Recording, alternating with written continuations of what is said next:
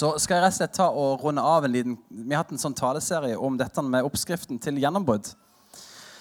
Og eh, Grunnen til vi har fokusert på det, er at jeg tror eh, at alle har områder i sitt liv der de lengter etter et gjennombrudd. Det kan være på små områder i livet, på bagateller, kanskje i noens øyne, men det kan jo være enormt store ting i livet du kjenner på at jeg trenger et gjennombrudd. Jeg trenger en, en, eh, en, utvei, jeg trenger en frihet i noe. Jeg trenger å virkelig få erfare at, eh, at, det, at det bryter igjennom, som det betyr hvis du deler opp ordet. Gjennombrudd. At det bryter igjennom.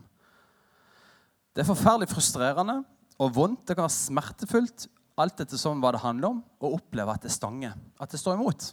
At det ikke kommer igjennom. At bønnene som bes, eh, oppleves å bli ubesvart at uh, relasjonene som er betente og vonde, ikke løses. At det er kanskje ting i ditt liv, av om det er sykdom eller hva som helst, at det blir ikke bedre, det blir bare verre. Det kan være ulike ting vi kjenner på. At her er det potte tett, det er stengt, og jeg trenger et gjennombrudd.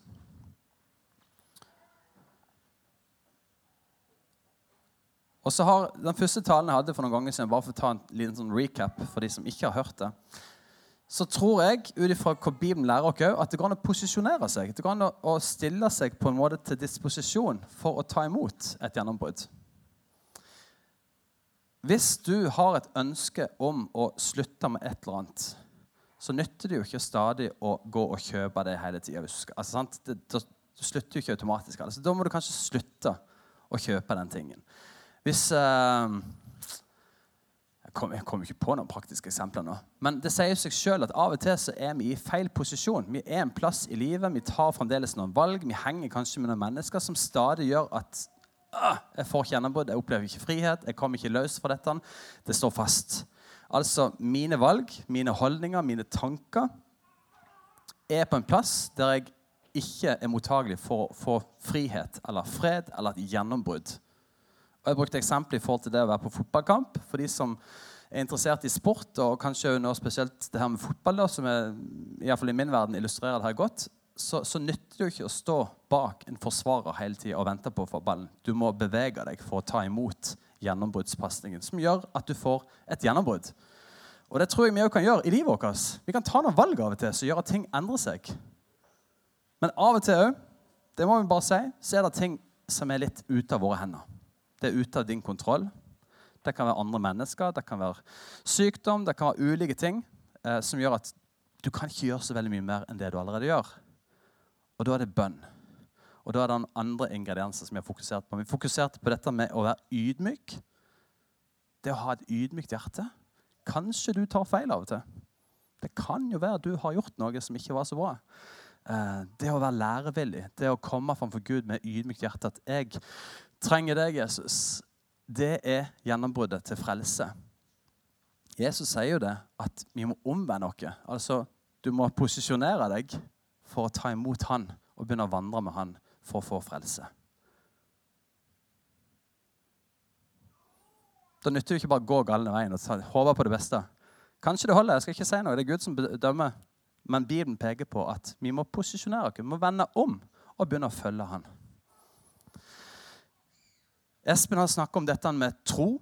Det å ikke bare ha en filosofisk eller en slags sånn tanke om at ja, jeg tror på Jesus eller jeg tror på det og det, men tro er en overbevisning. Det er noe som ikke bare sitter her, men det går ned herene. Jeg tror. Jeg har tro. Fantastisk bra undervisning om dette med tro. Og Anne Gerd hun delte nydelig om dette med kjærlighet. At det må ligge til bunns. At det er kjærligheten til Jesus. Kjærligheten til mennesker som forløser gjennombruddet. Og I dag så skal jeg snakke om som du ser, om dette med trofasthet og tålmodighet. Og når jeg satt og forberedte meg, så angrer jeg på at jeg hadde tatt to ord, og ikke bare ett ord. Men jeg tenkte vi må avrunde nå, for nå skal vi videre til noe nytt. Eh, så det ble to. Så får jeg gjøre det beste ut av det. Og nå har jeg søren brukt sju minutter på å innlede det her greiene. Men jeg har lyst til at vi, Hvis du har med Bibelen Det er ikke sikkert du har med en fysisk bibel. Det er ikke så vanlig lenger. Vi kan begynne å starte en ny trend. ikke? Ta med deg Bibelen under armen når du går til kirka, og så begynner vi å lese sammen. Kanskje du har den på ditt språk eller på norsk. Men om du ikke har den der, så har du den kanskje på telefonen din. Uansett, jeg skal slå opp, og så skal vi lese sammen. Jeg tror jeg det, husker ikke, Kanskje det kommer på skjermen òg. Men det står i Galaterbrevet 5.22.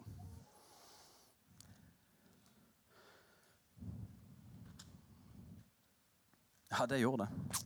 Da trenger ikke jeg å leve. Der står det. Jeg vet ikke om dere har lagt merke til det. Men i forhold til disse tingene som vi har pekt på, dette med tro, dette med kjærlighet, dette med ydmykhet, tålmodighet, trofasthet, det er jo faktisk Men åndens frukt Altså, ja, vi er jo skapt med ulike personlighetstyper. Noen er mer rause, noen er mer tålmodige, noen er litt mer ydmyke, noen er litt mer kjærlighetsfulle. Vi er skapt på ulike måter. Vi er formet av miljøet vi vokste opp i, og valgene vi tar. Men Bibelen peker også på at dette er noe som Gud òg ønsker å skape i deg. Så hvis du ikke er så veldig ydmyk av deg, så kan faktisk Gud skape det hjertet i deg.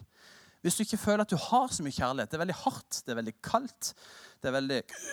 Så ja, så står det her at frukten av ånden altså det vil si, Når du følger Jesus, når du har sagt ja til han, så handler jo ikke det om at du skal ta deg sammen. Nå må du begynne å oppføre deg, nå må du slutte med det, nå må du begynne med det, nå må du bli bedre på det. Det er jo ikke det det handler om.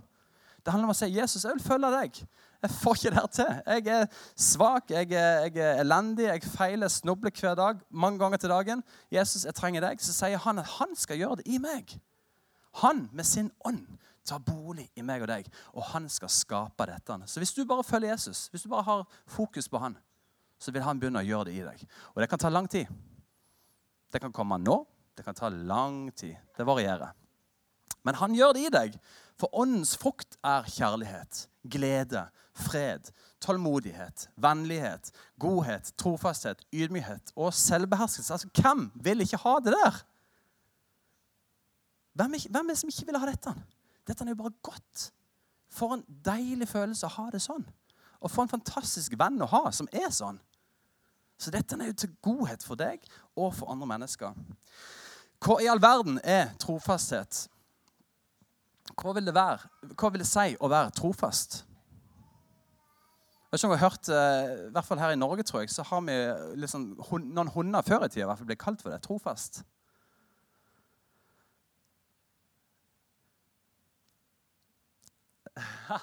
Jeg er litt gal. Nei. Du vet forskjell på katt og hund? Jeg kanskje har sagt det før. Men en hund, den kommer inn, og ser han mannen eller dama eller sjefen i huset og bare Du gir meg mat. Du koser med meg. Du passer på meg. Du går tur med meg. Du må jo være Gud, tenker hun. Jeg har pusekatt hjemme. Den ser på meg, og så tenker han Du gir meg mat. Du koser med meg på mine premisser. Du slipper meg ut, du slipper meg inn. Du passer på meg. Jeg må være Gud.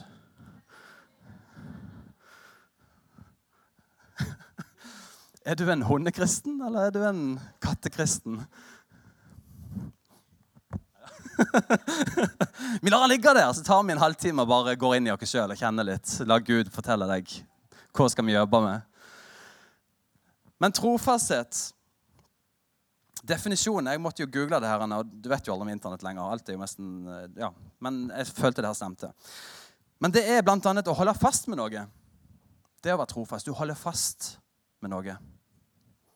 Det vil si at du ikke svikter. Du er tro. Altså Hvis du da f.eks. er gift eller har sagt ja til et annet menneske Når jeg sa ja til Stine, så velger jeg å være tro mot henne.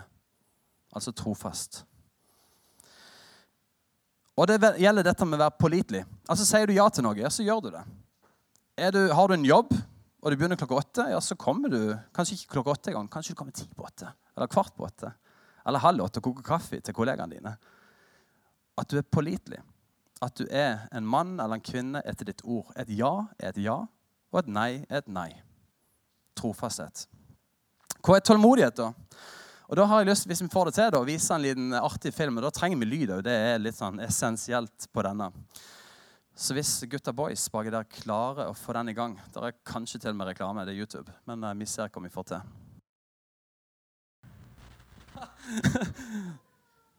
Tålmodighet. Noen som kan kjenne seg igjen? Jeg har, eh, Spesielt etter at jeg fikk barn, så har jeg jo kjent på at jeg er ikke så veldig tålmodig av meg. Jeg har ei kort lunte, og det blir kortere og kortere for hvert år som går. Men Gud er nådig, og han, han forlenger lunta, så det, det, har ikke sprengt ennå. Men jeg kjenner bare osj.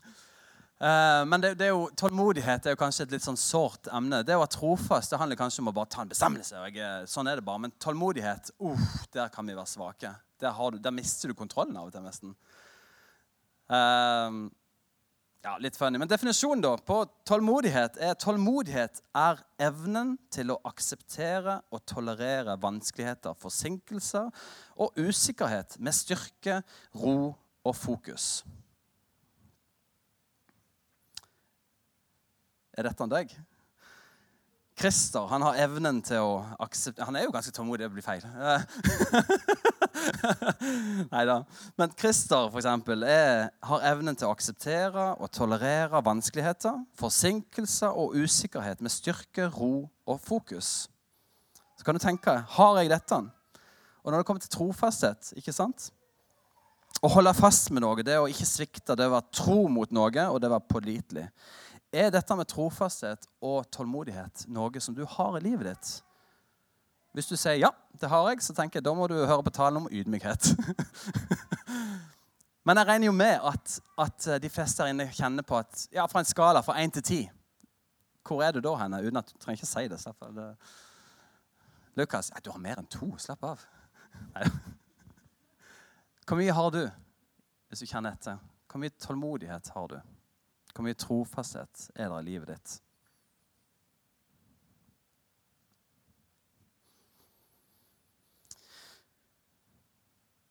En kristen, tenker jeg da, burde jo ha disse egenskapene i livet sitt. For det er jo tross alt åndens frukt. Altså, Er du en etterfølger av Jesus, så er det jo en naturlig del av det av livet ditt. Det kommer.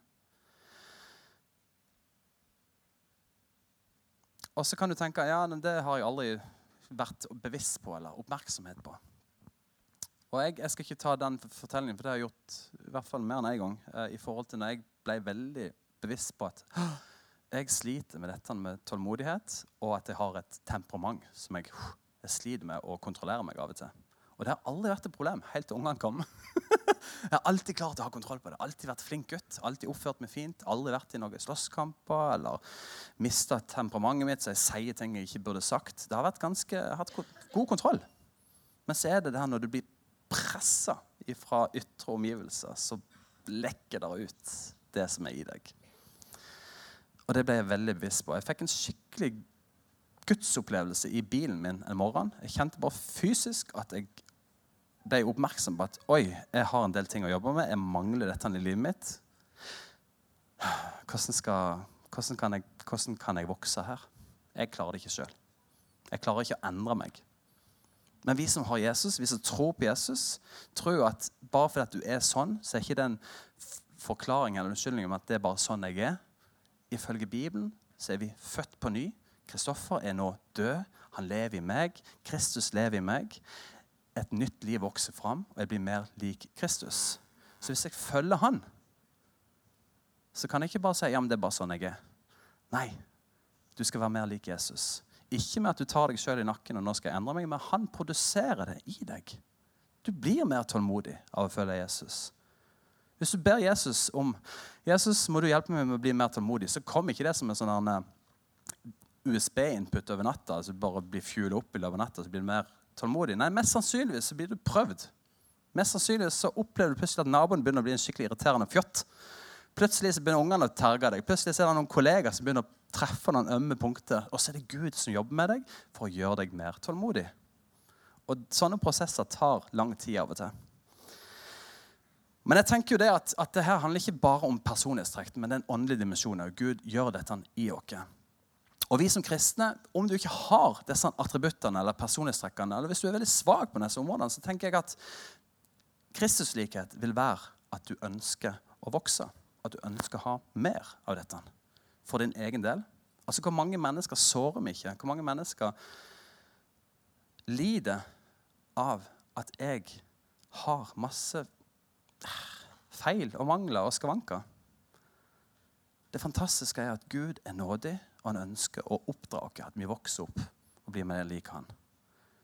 Sånn at Min unnskyldning skal ikke være at ja, men det er bare sånn jeg er. Nei, det er ikke sånn du er. Det er ikke sånn Jesus er. Og Jesus er i deg. Du skal vokse, og han skal gjøre det i deg. Gud har kalt dere til å være trofaste i alt vi gjør. Og Grunnen til han kaller dere til det, er fordi at han er trofast. Og vi er skapt i hans bilde. Og så har vi masse synd i livet vårt. Og så er vi vokst opp med det miljøet rundt dere. Mamma var sånn, pappa var sånn, osv. Og, så og, og jo mer eldre du blir, jo mer ser du at du blir bare mer og mer lik mamma. Eller hva det er for noe. Eller kanskje ikke. Det er ikke en automatikk at du skal bli mer lik dine forfedre. Automatikken med at Kristus bor i deg, er at du skal bli mer lik Jesus. Og Da tenker jeg, da har du feil fokus. For Hvis vi ser på, med frykt med at Oi, tenk om jeg blir som bestemor. Eller Oi, tenk om jeg blir som pappaen min. Eller kanskje det er positivt for seg òg. Tenk om jeg kan bli som pappa. Wow, for et forbilde. Da har Gud vært nådig i din familie. Men det kan, og veldig ofte dessverre er det et negativt fortegn. Tenk om jeg blir sånn som det. Den største, jeg tenker, En god mamma og pappa tenker hvis åh, bare mine barn kan overgå meg. Hvis de bare kan gjøre det litt bedre, hvis de bare kan oppleve å ha litt mer fred i livet sitt, hvis de bare kan oppleve å være mer trofaste Hvis de kan ha suksess, så jubler mitt hjerte. Da har du tilrettelagt for seier i livet deres med Guds hjelp.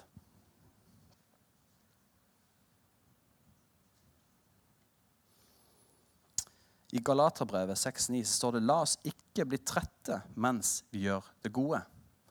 Og det gode er jo å være tålmodig og trofast, som vi snakker om i dag. Ikke, bli sli, ikke, ikke, ikke, bli, ikke gi opp. Hold fast med det. Stå i det. For det står videre når tiden er inne, så skal vi høste, bare vi ikke gir opp. Så hvis du lengter etter et gjennombrudd i livet ditt, hvis du lengter etter å få å vokse på et område, hvis du lengter til å få et bønnesvar, eller hva det er for noe, vær trofast og vær tålmodig. Stå på din post og tjen med glede.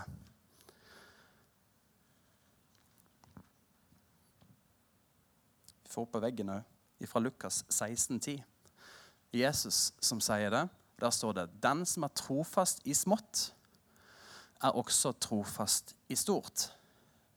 Jeg aner ikke hvor mange ganger jeg har møtt mennesker både i, som Kristoffer, men som pastor, av og til også i ambulansen, der du møter mennesker der livet er kaos, og de vet ekstremt mye bedre enn statsminister Hvem er det som er statsminister nå? Står det helt stille? Støre, kjære tid. Ja, det er jo ikke lenge til. Nei, jeg bare tuller. ja, de, de, vet mye bedre enn statsministeren hvordan landet skal drives. Bare gjør sånn, bare gjør sånn, bare gjør sånn. ikke sant? Og så er livet et rot. Inkassofakturen ligger i bunker, ikke sant? Men den som er tro i det små, vil øve tro i det store.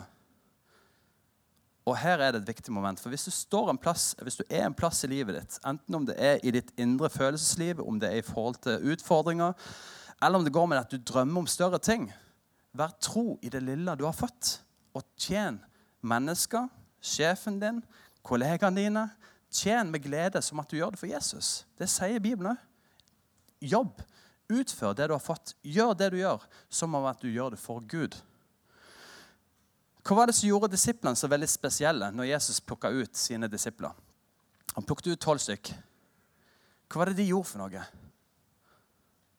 Nå, nå, nå har vi en interaksjon her. Hva var det disiplene gjorde? Ja, de var lærevillige, men hva, hva, gjorde de rent sånn praktisk? Ja, men før det? Ja, før det igjen. Ja, men før det? Ja, altså De hadde jo et liv før de traff Jesus. Hva gjorde de? Ja, de jobbet jo! Altså Han der tolleren, Matteus, var ikke det? Herlighet, han var flink. Han var jo hata av alle jødene fordi at han samla inn penger for romerne. Han var flink. Han gjorde jo mye feil, men han var dyktig i det han gjorde. antageligvis. Fiskerne var ute og fiska. Jesus satt på stranda og lurte på. Ikke sant? Og han kalte dem. 'Kom, følg meg.' Hva de gjorde for noe? Jo, de, de jobbet. De sto på. Og jeg tenker Det er en god livsting å ha. Jobb. Bruk de talentene du har fått. Stå på. Tjen med de gavene du har fått. Gjør det som at du gjør det for Gud. Vær tro i de små ting, så vil Jesus kalle deg til større. Ikke sitt hjemme og bare vent på at Gud skal Altså, Han har skapt deg for en hensikt. Han har gitt deg fantastiske gaver og talenter. Bruk det. Altså, Jeg hadde blitt deppa hvis gutten min satt hjemme og venta på at ja, et eller annet, han skal bli fotballstjerne. eller hva det er for noe, ikke sant? Du kan ikke sitte hjemme! Kom deg ut! Tren, spill, kos deg, sats alt. Gjør det du kan for å oppnå det du skal. Jeg hadde elska, og jeg elsker, å se guttene mine bruke sine talenter. Og det tror jeg pappa Gud i himmelen òg gjør. Du har fått, sånn som Vi skal ha denne gulljakten som jeg snakker om. Vi har fått noe som vi skal bruke, og være tro i de små ting. Og så er det sånn av og til i forhold til dette med tro i de små ting. Av og til så får vi beskjed om å vente. Sitt stille. Vent. Ja, men Gud øh, Nei, vent. Og det er kanskje noe av det mest irriterende, verste som fins. Det er å vente. For hvor bortkasta er ikke det å bare vente? Og er det noe vi voksne òg, ikke bare barn Jeg har, har tre gutter, og altså, de er jo fremdeles galne. Men du ser det jo spesielt i fireåring. Theodor, kan du bare sitte her og vente litt, så skal jeg bare gå bort her. og så, hvor, er han hen? ikke sant? Og så har han beveget seg vekk. Sitt stille. Ikke sant? Så klarer liksom ikke å si det stille. Sant? Det spreller i han. Han må gjøre noe. Men, men det er jo grunnen til å ha satt sitt, vent. Det er fordi at jeg har tenkt å gjøre noe, hjelpe ham med noe, fikse et eller annet, og så blir det bra. Så kan du få lov til å springe. Og jeg tenker Gud også veldig ofte sier til dere vent. Bli værende. Sitt. Vent på min timing. Og det å være tro i de små tingene, da. Det lille du har fått. Kanskje det ikke er drømmejobben. Kanskje det ikke er drømmeskolen. Kanskje det ikke er drømmebilen. Kanskje det ikke er drømmerelasjonene. Kanskje det er et eller annet du står og bare Dette er ikke så veldig gøy. Men tjen med glede. Vær tro i de små ting.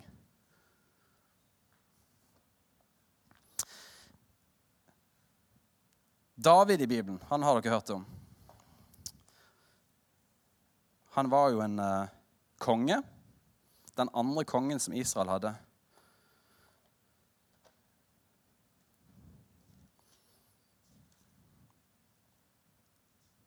Bare se om jeg kan finne det. Det står i uh, Første Samuels bok, kapittel 16. Og for de som ikke kjenner David, jeg kjenner han ikke, jeg bare leser om han, men de som ikke kjenner til historien, er jo at David er en gutt av veldig mange brødre. Og sikkert søstre men de var ikke så viktige. De skrev ikke om det. Det var bare masse brødre i Bibelen. Eh, og han var minst og yngst. Og ja, sånn var livet hans. Og det var ikke et godt utgangspunkt, for da var det eldstemann som var viktigst. Han skulle arve, han skulle stå ikke, alt det her. Og så er det sånn at kongen som egentlig er konge, da, Saul, han har gjort mageplask og feila totalt. Og Gud sier jeg må finne en ny konge. Det her funker ikke. Og han kaller ut en profet ved navn Samuel. Og folk kjenner han. Det står der at når han gikk ut for å lete etter profeten, så sto folk og var livredde. For hva skjer nå? For profetene i den tida de talte ut både dom og velsignelse og alt mulig. Men Samuel sier det at nei, jeg skal komme her for å ofre til Gud, og så skal jeg peke ut en kommende konge. Så kom han til et hus og Det ser vi litt lenger ute i uh, kapittel 16. Og Det er en mann som heter Isai, og han har masse sønner. Og han sier til Isai Du, få tak i guttene dine. Still dem fram, og så skal jeg uh, finne Gud skal vise meg hvem som er neste konge. Så Isai han finner den største og den sterkeste han står, og den eldste sikkert. Han står der, og han, han, han ser ut som en konge. Sterk og kjekk og høy. og Skikkelig konge. Og her står de line up. Og Isai presenterer eldstesønnen og sier, 'Her har du han'. Og det morsomme er jo at Samuel han er klar for å bare helle olja over hodet på denne um, eldste gutten. For rent menneskelig sett så var det naturlig. Hvem av du gidder å finne et glass vann? Det var helt naturlig å plukke ut eldste og største og sterkeste. I det Samuel mest skal til å, å, å helle olje over som et tegn på at dette er kommende konge, så kjenner han Guds tiltale. bare, Nei, nei, nei, det er ikke han. Jeg ser ikke til ytre sånn som menneskene gjør. Jeg ser til det indre. Ok, det var nytt. Så er det nestemann. Og Samuel kjenner ingen sanksjon. Og så kommer neste. Ingen sanksjon. Og så kommer neste. Ingen sanksjon. Og til slutt så har han jo vært gjennom hele sekta. Og eh, profeten Samuel sier Tusen takk. Det, det sa han kanskje ikke. Profeten Samuel sa, men, men har, har, du ikke flere? Og jeg tenker bare, det, det her er jo uh, father of the year. Å uh, ja, forresten, jeg har en til. han er ute på sauemarka og gjeter sauene. Småpinlig. Jeg har just fått beskjed av profeter å hente guttene dine. Så ja, jeg hadde jo en til, forresten. Hadde ikke så store tanker om han. Men Samuel sier, 'Kom her.' Sett ham framfor meg, så skal vi se. Og så kommer David, og han sitter der i grønt. Og så må han komme opp her, da. Kom. oh. Og David han uh, setter, kommer fram her og han setter seg på nederste trappetrinn her med ansiktet ut mot gjengen. Og Samuel bare hmm, kjenner i sitt indre hva i all verden og kjenner det at jo, han skal du, han skal du salve med olje. Og han tar og tømmer olja.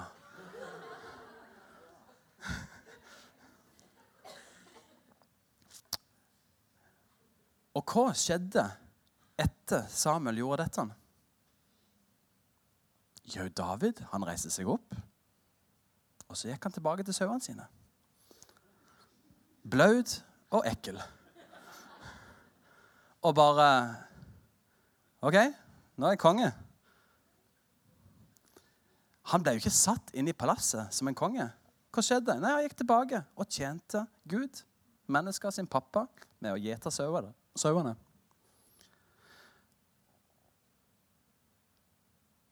Og det vitner noe veldig veldig spesielt for meg. I hvert fall.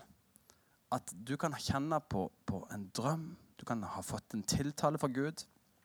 Du kan kjenne en, en en lengsel etter noe. Du kjenner bare en guddommelig greie om at jeg skal inn i dette. Jeg lengter etter dette, jeg drømmer om dette. Jeg opplever at Gud kaller meg til dette. Men det kan ta lang tid. Det kan ta veldig lang tid. Som med at du følger Han, med at Den hellige ånd har kommet over deg. Det står det at Helligånden kom over han. Jeg vet ikke om han merker Det Det kan godt være han merker det. Står ingenting om det. Det står at han, han tjente faren sin videre. Og det tok lang tid før han ble faktisk konge. Og det var en turbulent reise, skal jeg si deg. Saul klikka jo og skulle ta livet av han. Han visste at her kommer det en konkurrent. Så det var ikke en enkel vei å gå. Og til slutt da, så har jeg lyst til å bare oppmuntre deg. For der er de der lista, og Den lista kunne vært veldig mye lenger, men det er liksom de mer kjente navnene får han opp på veggen nå. Den siste, tror jeg det var.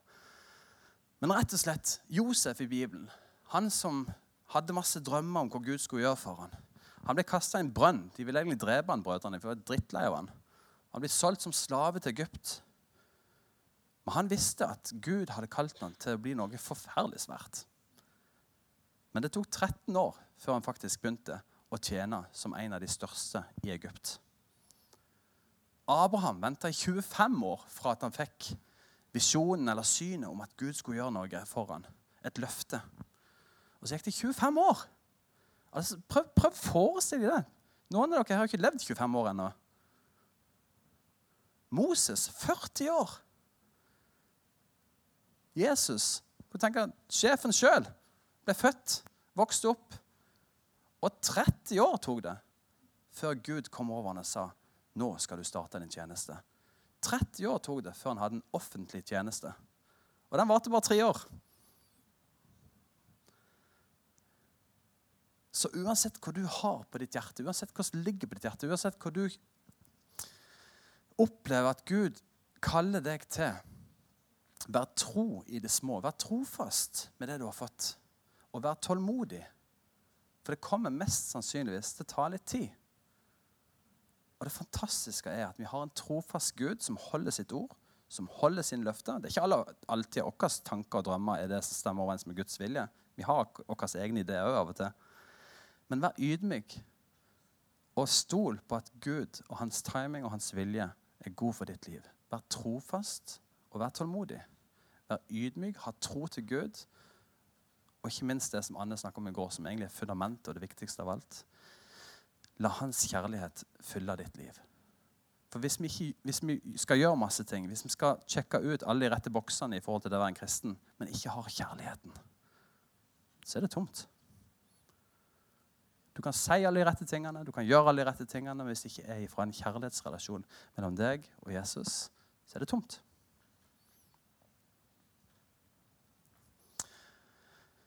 Herre, jeg takker deg, Jesus, for ditt ord som vi har lest i dag. Og jeg takker for uh, ditt ord. Det er sannhet, og det er til liv for oss, Jesus. Jeg takker deg, far, for at uh, du virkelig ønsker at vi skal ha gjennombrudd i livet vårt, Jesus. Jeg takker for de tingene i livet vårt som kanskje vi sitter her og kjenner på nå og tenker på nå, som er vanskelig. som er Kanskje det handler om sykdom, kanskje det handler om relasjoner, kanskje det handler om jobb, økonomi, vennskap, utdannelse, hva som helst.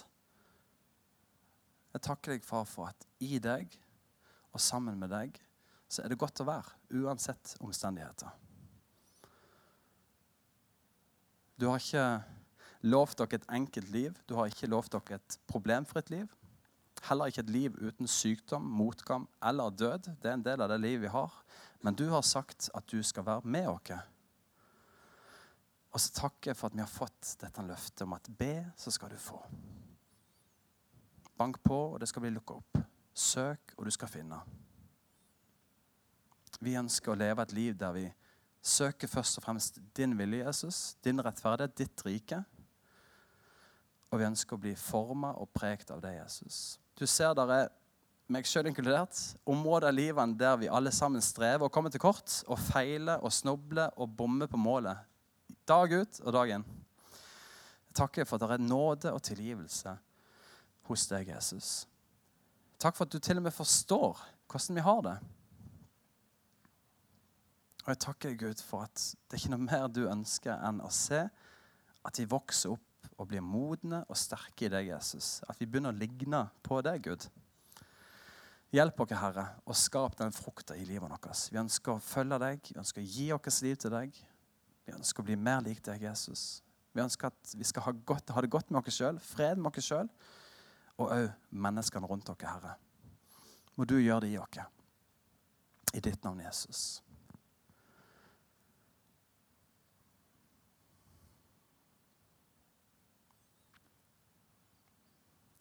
Amen. Kan ikke Kim André Lyda komme opp og ta en, en sang til slutt?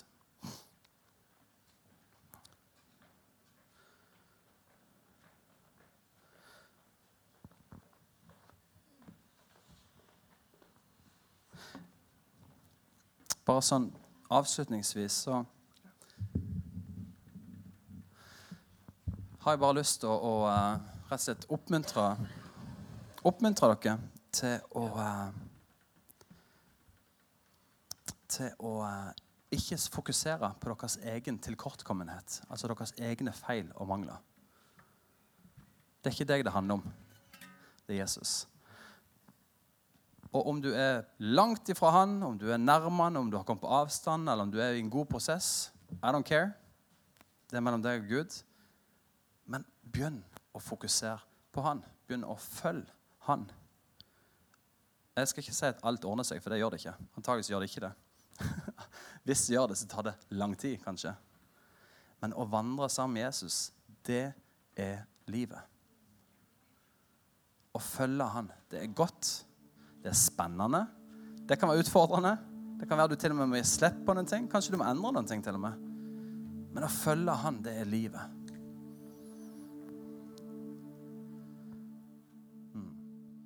Skal vi ta oss og reise oss til slutt?